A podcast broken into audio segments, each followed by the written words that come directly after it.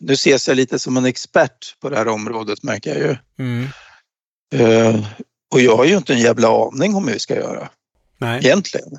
Men jag tänker då slår jag på lite grann det här bipolära tänket och lite Pippi Långstrump att Mm. det här har jag aldrig gjort förut så det går nog bra.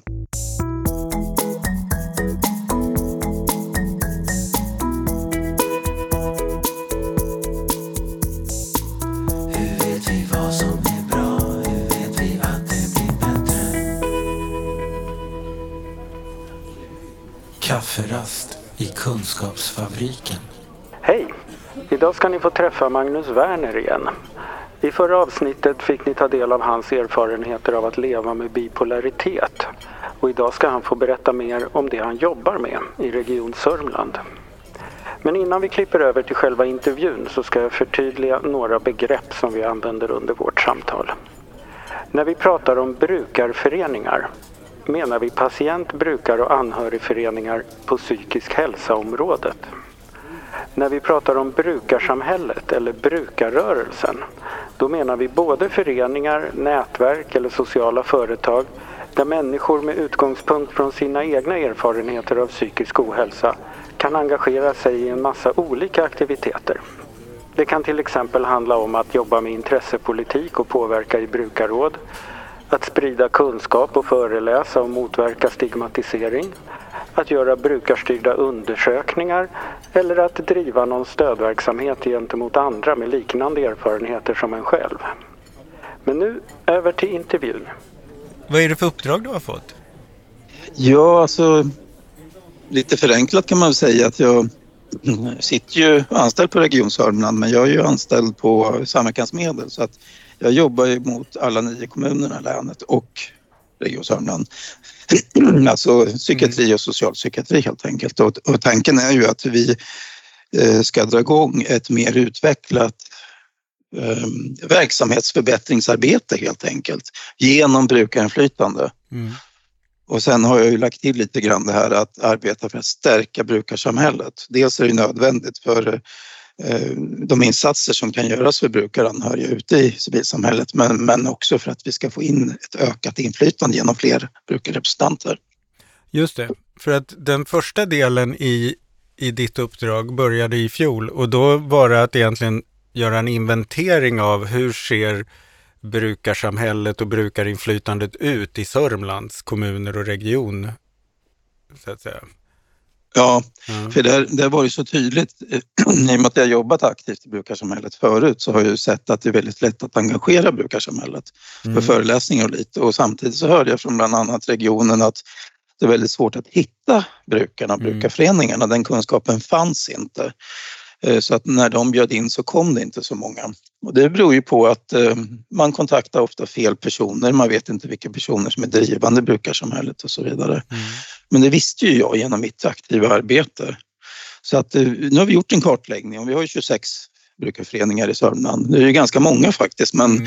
de är ju ofta inte så aktiva för att de har få medlemmar som, som jobbar ideellt. Vi har allting från små lokalföreningar som sorterar under riksförbund och jag har även plockat in några så egentligen inte formellt är föreningar utan mer eh, som är eh, eh, nätverksgrupper under en riksförening. Mm. Vi har några länsföreningar men som ofta bara finns lokalt Mm. i någon kommun. Mm. Ehm, Så att det är ju det är allting från föreningar något fall som inte har ett riksförbund till föreningar som faktiskt finns på flera orter. Så Mm. att till exempel RSMH finns ju på, på två orter och eh, psykosföreningarna finns ju på flera orter också. Mm. Hur är det med attention? Ja, de finns. De finns ju både i norra och södra länsdelen. Just Så är det. Mm. Mm. Eh, Är det några så patient eller målgrupper som helt saknar föreningsliv? Mm. Det är en rad föreningar som inte finns. Eh, Kedo till exempel finns ju inte i Sörmland. Det finns några medlemmar som jag har lite kontakter Mm. med men så är det ju. Vi har ju även till exempel Långsyndromsällskapet som eh, i princip inte är fungerande även om de finns kvar och det, där har vi den här problematiken som, som ofta finns att eh, de som är aktiva i styrelsen är så pass gamla idag Mm. och även har somatiska sjukdomar så att eh, man orkar inte helt enkelt. Mm. Så att vi har, rent föreningsmässigt har vi bra förutsättningar men det behövs en eh, vitamininjektion för att de ska bör, börja jobba mer aktivt. Ja, och det blir också när de... En följd av att de är små gör ju att de också inte har energi att ens samverka och hjälpas åt. Precis. Mm. Eh, Och det syns ju här väldigt tydligt i min kartläggning att eh, det saknas tillräcklig samverkan mellan föreningarna men framförallt saknas det en tydlig samverkan med eh, kommunerna. Mhm. Så att eh, här, här finns det tydliga utvecklingsområden. Vad är det för typ av samverkan som finns med kommunerna? Det kan vara lite grann kring eh, olika arrangemang. Mm. Vi har ju allt det här med psykiatrivecka och anhörigvecka och så vidare. Så att det finns ju lite grann. Mm. det gör det. Och, ehm, men generellt kan man säga att det finns andra områden inom civilsamhället där kommunerna går in mycket mer med pengar. Vi tittar till exempel på stadsmissioner, kvinno-, tjej-, trans ungdomsjourer där, Mm. man, där det finns IOP-avtal och olika typer av stöttning från kommunerna. Men brukarsamhället är väldigt underfinansierat i Sörmland. Mm. Nyköping avviker ju. De, de spenderar över 3 miljoner kronor varje år som de lämnar bidrag då till brukarföreningar. Men i övrigt så är det ganska knapert faktiskt. Och det där Nyköpings stora bidrag, det går, om jag gissar rätt, och rätt mycket till Fontänhuset i Nyköping. ja, Och rätt mycket till det här kooperativet som heter Silvermånen som har en slags arbetsmarknadsinriktad verksamhet också. yes, Mm. yes. Och som är rätt stort. Det är 15-20 personer som jobbar där eller något. Ja, det. så att det är ju bra verksamheter, det är det ju. Mm. Och ehm, Men det är ju inte det är ju inte resurser bara för att föreningen ska kunna vara en stark part i intressepolitiken, utan det är för att kunna driva verksamheter. Ja, och det, precis, där, där hamnar det ju lite grann på individnivå, alltså att man jobbar för sina medlemmar. Mm. Eh, och jag skulle säga att om, om man ska liksom måla upp en traditionell brukarförening så hamnar de lite vid sidan av här. Ja. Eh, vi har också en fantastisk förening i eh, Nyköping som heter Verda- Verdandi Branscher som är jättebra på att jobba med missbruksberoendeproblematiken som också har ett gäng personer anställda på, på lönebidrag då, som inte skulle klara den ordinarie arbetsmarknaden. De gör ju ett jättefint jobb och bedriver ju även brukarrevisioner men de, det är en ideell förening men de jobbar lite mer som ett socialt företag. Ja.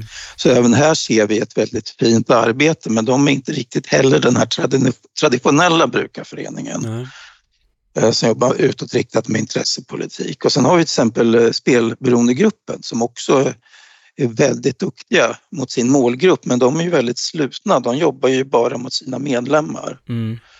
Just det. Ehm, Och, och det är ju inget fel i det, och, för, för det skulle man väl säga, det är ju kärnan i alla våra föreningar och organisationer, det här eh, mellanmänskliga, att här har jag en hemvist där jag mm, både kan få stöd och ge stöd eh, kring min erfarenhet. Så att säga. Och det, det är ju det som vi också menar är ett kapital som vi ska bygga våra föreningar på. Att Yes. liksom ha, ha den där specifika medmänskliga kompetensen och kunskapen om våra utmaningars särart, eller vad man får Ja. säga. och, här, och här ligger ju en del av mitt, mitt arbete det här att sälja in att eh, offentligheten är bara en liten del av varje människas liv. Mm, Eh, resten av livet när man ska hantera, li- hantera sitt liv och sin ohälsa, det ligger ju utanför psykiatri och socialpsykiatri. Och det ser ju att brukarsamhället kan och bör göra en väldigt Mm. stor insats tillsammans med övriga civilsamhällen. Men där har ju brukarsamhället inga resurser för att kunna bemanna sina strukturer och sina verksamheter utan det är ju ofta återhämtade brukare som jobbar heltid eller också äldre människor som är för gamla och mm. somatiskt för att kunna jobba så mycket. Så att det är ju en så marginell verksamhet i brukarsamhället som man nästan vill gråta. Samtidigt som jag vet att det finns en otrolig potential och kompletterande verksamhet till psykiatri och socialpsykiatri. Så kunde man skapa den här samverkan så skulle vi vinna otroligt mycket. Är det så att nu när eh, Region Sörmland och kommunerna i Sörmland liksom vill satsa på att bygga upp något, för det ska vi komma mer till, hur, hur- man tänker sig att bygg, satsa på det här som du har inventerat och tittat på. Alltså är det det här man ser som, som en vinst för samhället? Att om vi i psykiatrin också tänker nästa steg i hälsoaspekten för våra patienter, det vill säga det man kan få ut i civilsamhället. Tänker man ihop det och ser att vi måste vidga våra gränser, är man så klarsynt eller hur, hur är deras, vad är deras drivkraft till att få dig att vilja satsa på att bygga upp ett brukarsamhälle? Liksom? Det där beror nog lite grann på vem man frågar. Eh, jag möter ju en öppenhet och ett väldigt stort intresse till exempel från psykiatrin. Mm. Eller jag möter det överlag i hela Sörmland. Men eh, vad gäller psykiatrin är det så att där bedriver man ju specialistvård. Det är ju väldigt avgränsat. Mm. Eh, man har liksom inte uppdraget att jobba vidare. Men man ser möjligheterna. Det vi behöver hitta det är ju samverkansformerna för att när patienten till exempel lämnar slutenvården Eh, Eh, det räcker inte att hänvisa till, till öppenvården, till vårdcentraler eller mottagningar för att många ramlar ur där. Utan vi behöver hitta de här samverkansformerna. Det tror jag inte är lika tydligt hur vi ska göra och varför. Och jag tror inte att ehm, helt enkelt att man känner till vilka möjligheter som det kan finnas och hur man kan samverka. Och här är det ju så att eftersom brukarsamhället lite grann lever som en isolerad ö i samhället på många sätt så har brukarsamhället inte tillräckliga kunskaper om huvudmännens verksamheter och hur man kan samverka och tvärtom. Mm. Vi behöver bygga ihop oss på något vis. Vi behöver prata ihop oss. Vi måste kunna se vad gör var och en och hur skapar vi synergieffekter. Och det här tänker jag att det är en viktig del av mitt kommande arbete att ta tillvara på alla kompetenser, skapa synergieffekter. Inte utifrån verksamheten egentligen utan utifrån den enskilda brukaren och den anhöriga. Mm deras behov, vad vill de och hur kan vi då som huvudmän och som brukar röra sig hitta lösningar. Kafferast i Kunskapsfabriken. Du sa att de har dålig samverkan med sina kommuner, men tittar du någonting på hur ser plattformarna för brukarinflytande ut i, i Region Sörmland och bland kommunerna? Mm. Var, var kan de här föreningarna vara med och tycka till och lämna synpunkter och ha åsikter och sådär? Mm. Hur såg det ut? Eh, mina ramar, jag jobbar, gjorde ju inte enbart en kartläggning, det var lite annat också, men så att de tidsramar som jag hade och jag kommer in i en ny verksamhet som jag inte kan, så jag kunde mm. inte så mycket egentligen, eh, gjorde att jag fick göra vissa val och jag valde att granska eh, rådsverksamhet, för mm. det finns ju i alla kommuner och region finns det pensionärsråd och funktionshindersråd och det är ju inte konstigt därför att pensionärsrörelsen och funktionsrättsrörelsen är ju starka sedan länge. Mm. Så jag tittade på funktionshindersråden i nio kommuner och i Region Sörmland och eh, under tre år alla protokoll. Där kunde jag se något intressant, nämligen att eh, bara 10 procent av deltagande föreningar var brukarföreningar. Och de 10 procenten de representerade ungefär 5 till 10 procent av de sjukdomar som, drabbade, som drabbar Sörmlands befolkning. Mm. Då pratar vi alltså i princip NPF och psykossjukdomar. Och sen när man tittar på vilka typer av frågor så är ju det här, de här hindren är ju ett, ett forum för funktionsrättsrörelsen. Vi, alltså man är nere på detaljnivåer som eh, gruskornsstorlek gäller sandningen på vintern. Vi pratar hörselslingor, cykelställ och liknande. Och eh, ramper, rullstolsramper och så. Och det här är ju, alltså de frågor som funktionsrättsrörelsen behöver arbeta med, det är ju jätteviktiga frågor för dem. Mm. Men för oss i brukarrörelsen är det helt ointressant och det innebär att de som sitter från brukarföreningarna, de tycker det är jättetråkigt. Mm. Därför att det är så få frågor kring psykisk hälsa. Och sen är det väldigt enkelt att se och det här konstaterar jag också när jag intervjuar lite folk som satt i råden att det är enbart eh, informationsgivning i princip. Mm. Eh, så att vi har ju inte fungerande formella strukturer här tycker jag idag så, att vi får ett inflytande och där vi jobbar effektivt med psykisk ohälsa. Så jag har föreslagit nya råd, råd för psykisk hälsa där vi ska fokusera bara på den eh, psykiska aspekten och det ska inte bara vara för brukarsamhället utan jag tänker att alla rörelser allt i civilsamhället som jobbar med psykisk ohälsa ska delta. Och då har vi funktionsrättsrörelsen, vi har pensionärsrörelsen där man har en förhöjd psykisk mm. ohälsa. Mm. men inte kan jobba med det på grund av bristande kunskap. Ja, spännande. Så att du tog ju både pulsen då på hur brukarsamhället i Sörmland ser ut utifrån sina ideella plattformar, men också tittade på hur huvudmännen förmår att ta vara på eh, psykisk hälsa-föreningarnas kompetenser eller åsikter eller synpunkter eller Mm. frustration kan ju ibland vara mer av än kunskap till och med.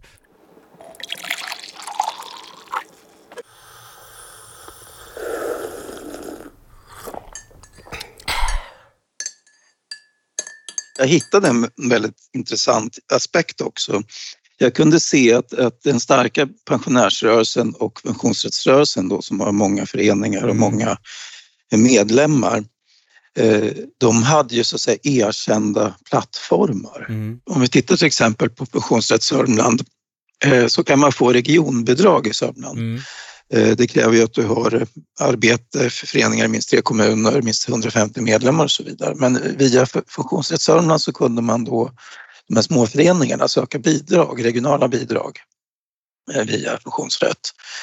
Eh, Den möjligheten finns ju inte för eh, NSBH. Nej, Eh, eller möjligen för de föreningar som är med i funktionsrätt och det är ju inte så många. Nej, de kan gå med där. Mm. Men det jag tänkte då är att NSBH Sörmland som en läns eller regi- regionalförening för brukarrörelsen Mm. de har inte samma mandat, de har inte samma plattform som till exempel funktionsrättsrörelsen. Mm. Så här har jag också föreslagit att eh, brukarrörelsen måste ju liksom få en formell position i samhället.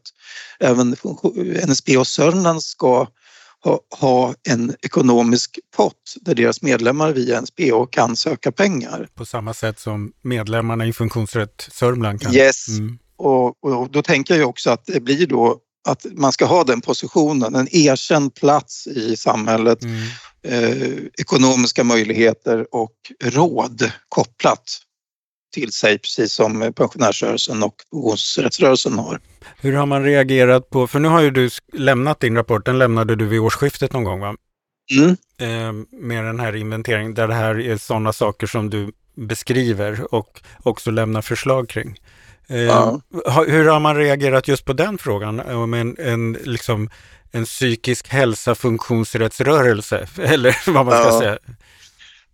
Eh, jag har mött positiva signaler Mm.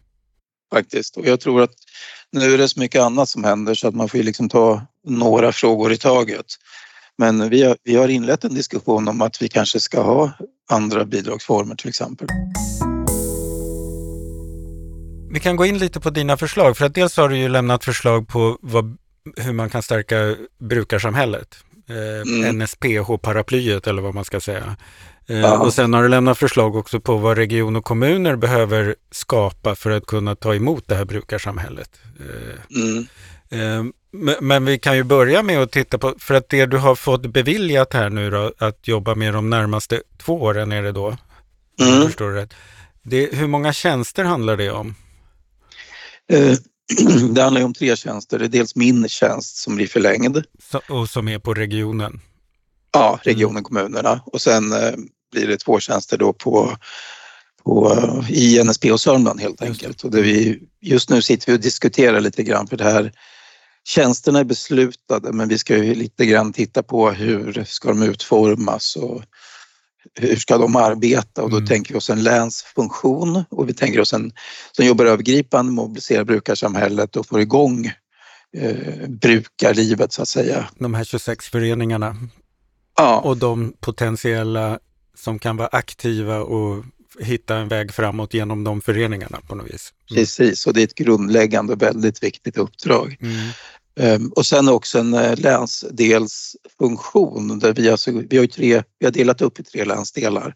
Vi- det- Tanken är att vi har en eh, implementerare i en utvald länsdel där vi ska börja bygga verkstad. Ehm, för då pratar du om brukarrevisionen, patientforum, massa sådana där saker. Ja, Mm. eh, mer utvecklade inflytande råd och Mm. Här tänker vi också att det finns metoder som man kan använda ganska likartat både i eh, psykiatri och socialpsykiatri. Mm. Um, Så att um, vi, vi kommer igång. Uh, Vi, för att vi vet ju att de här metoderna som vi bland annat vill införa, att de har gett goda resultat i andra län.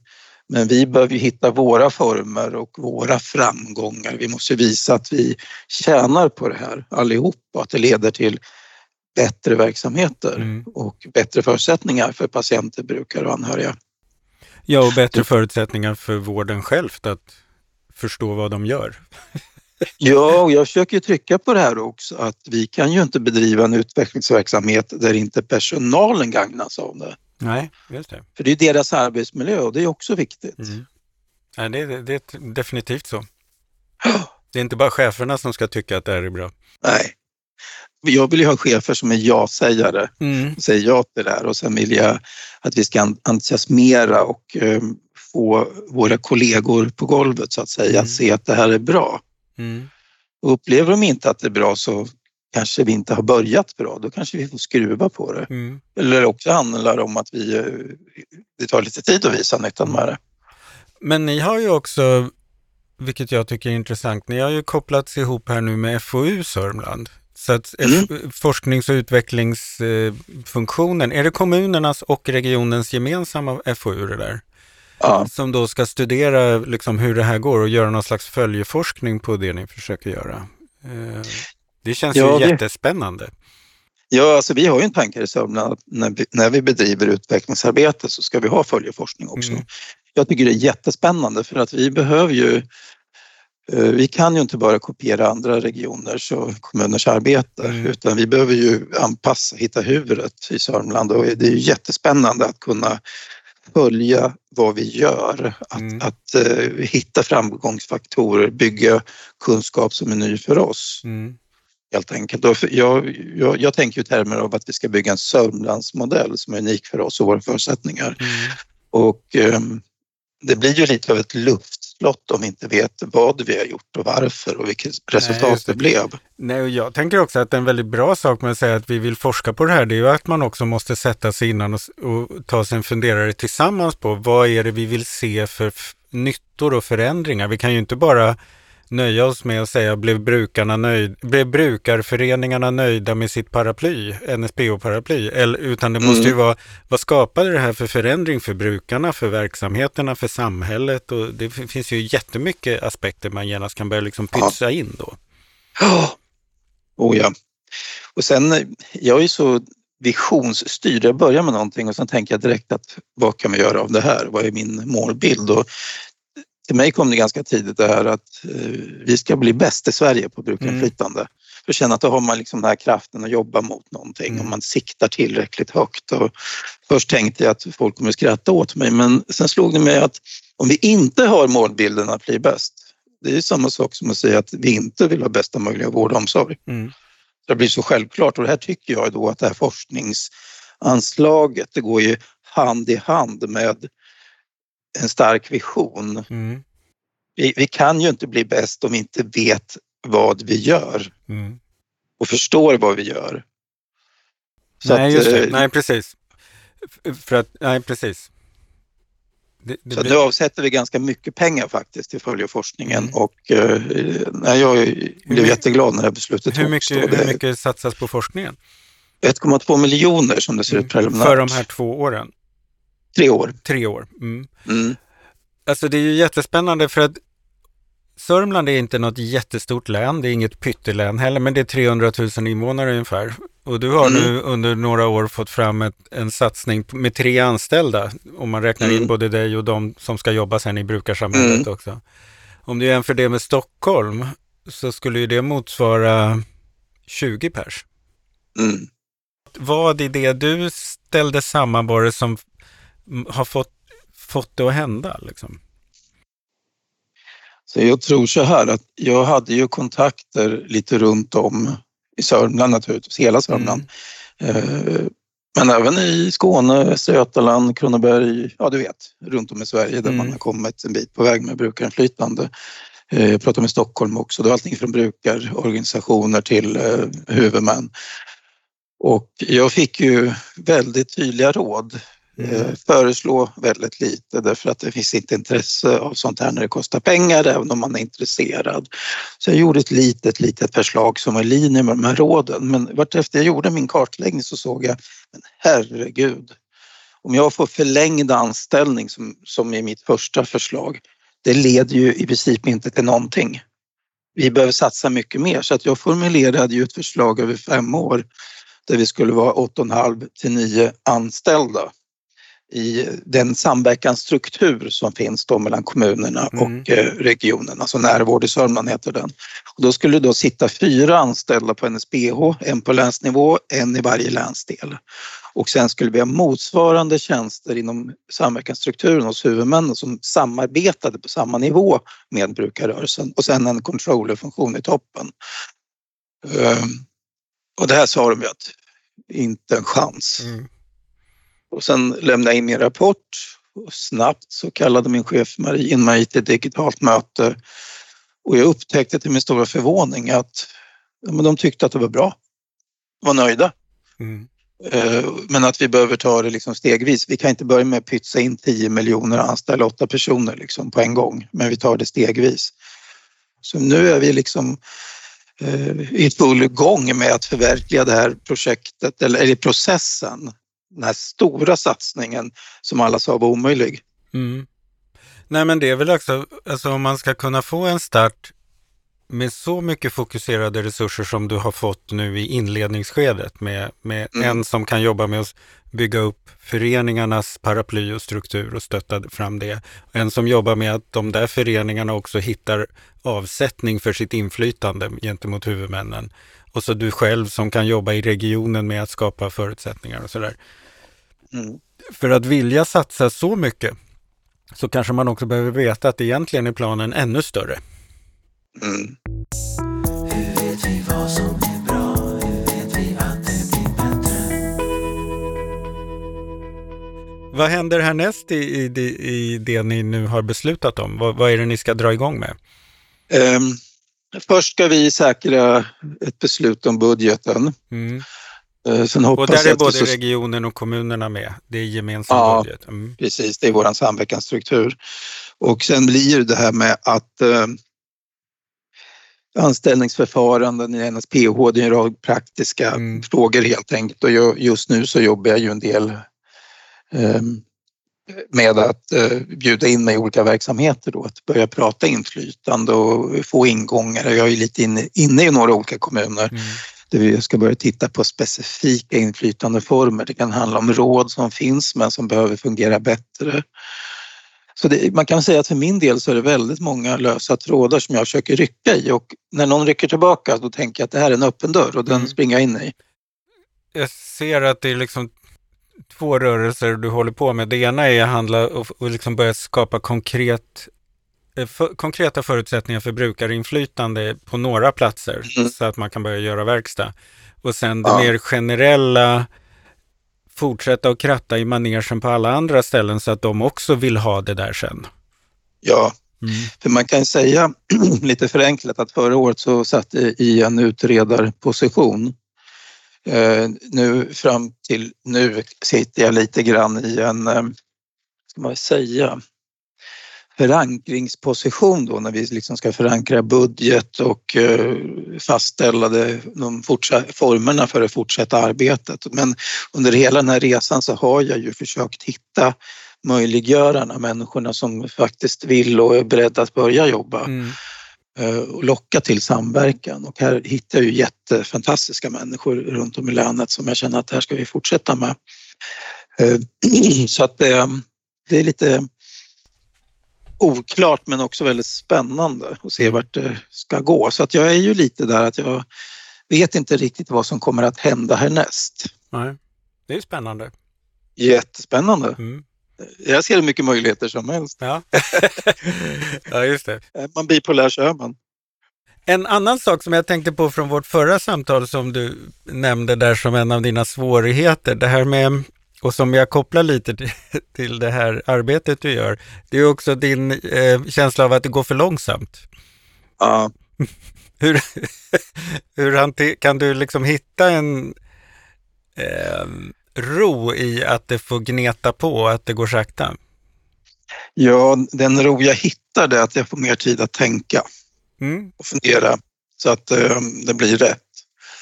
Ehm, men det är ju lite så här att jag menar, jag skulle ju gärna ha sett att NSPO hade två anställda och jobbade på. Jag skulle ha velat vara ute i alla verksamheter. Jag gjorde en planering i början på året och där skulle jag redan ha varit ute hos alla huvudmän och kört dragningar och jag har inte gjort en enda riktig dragning än.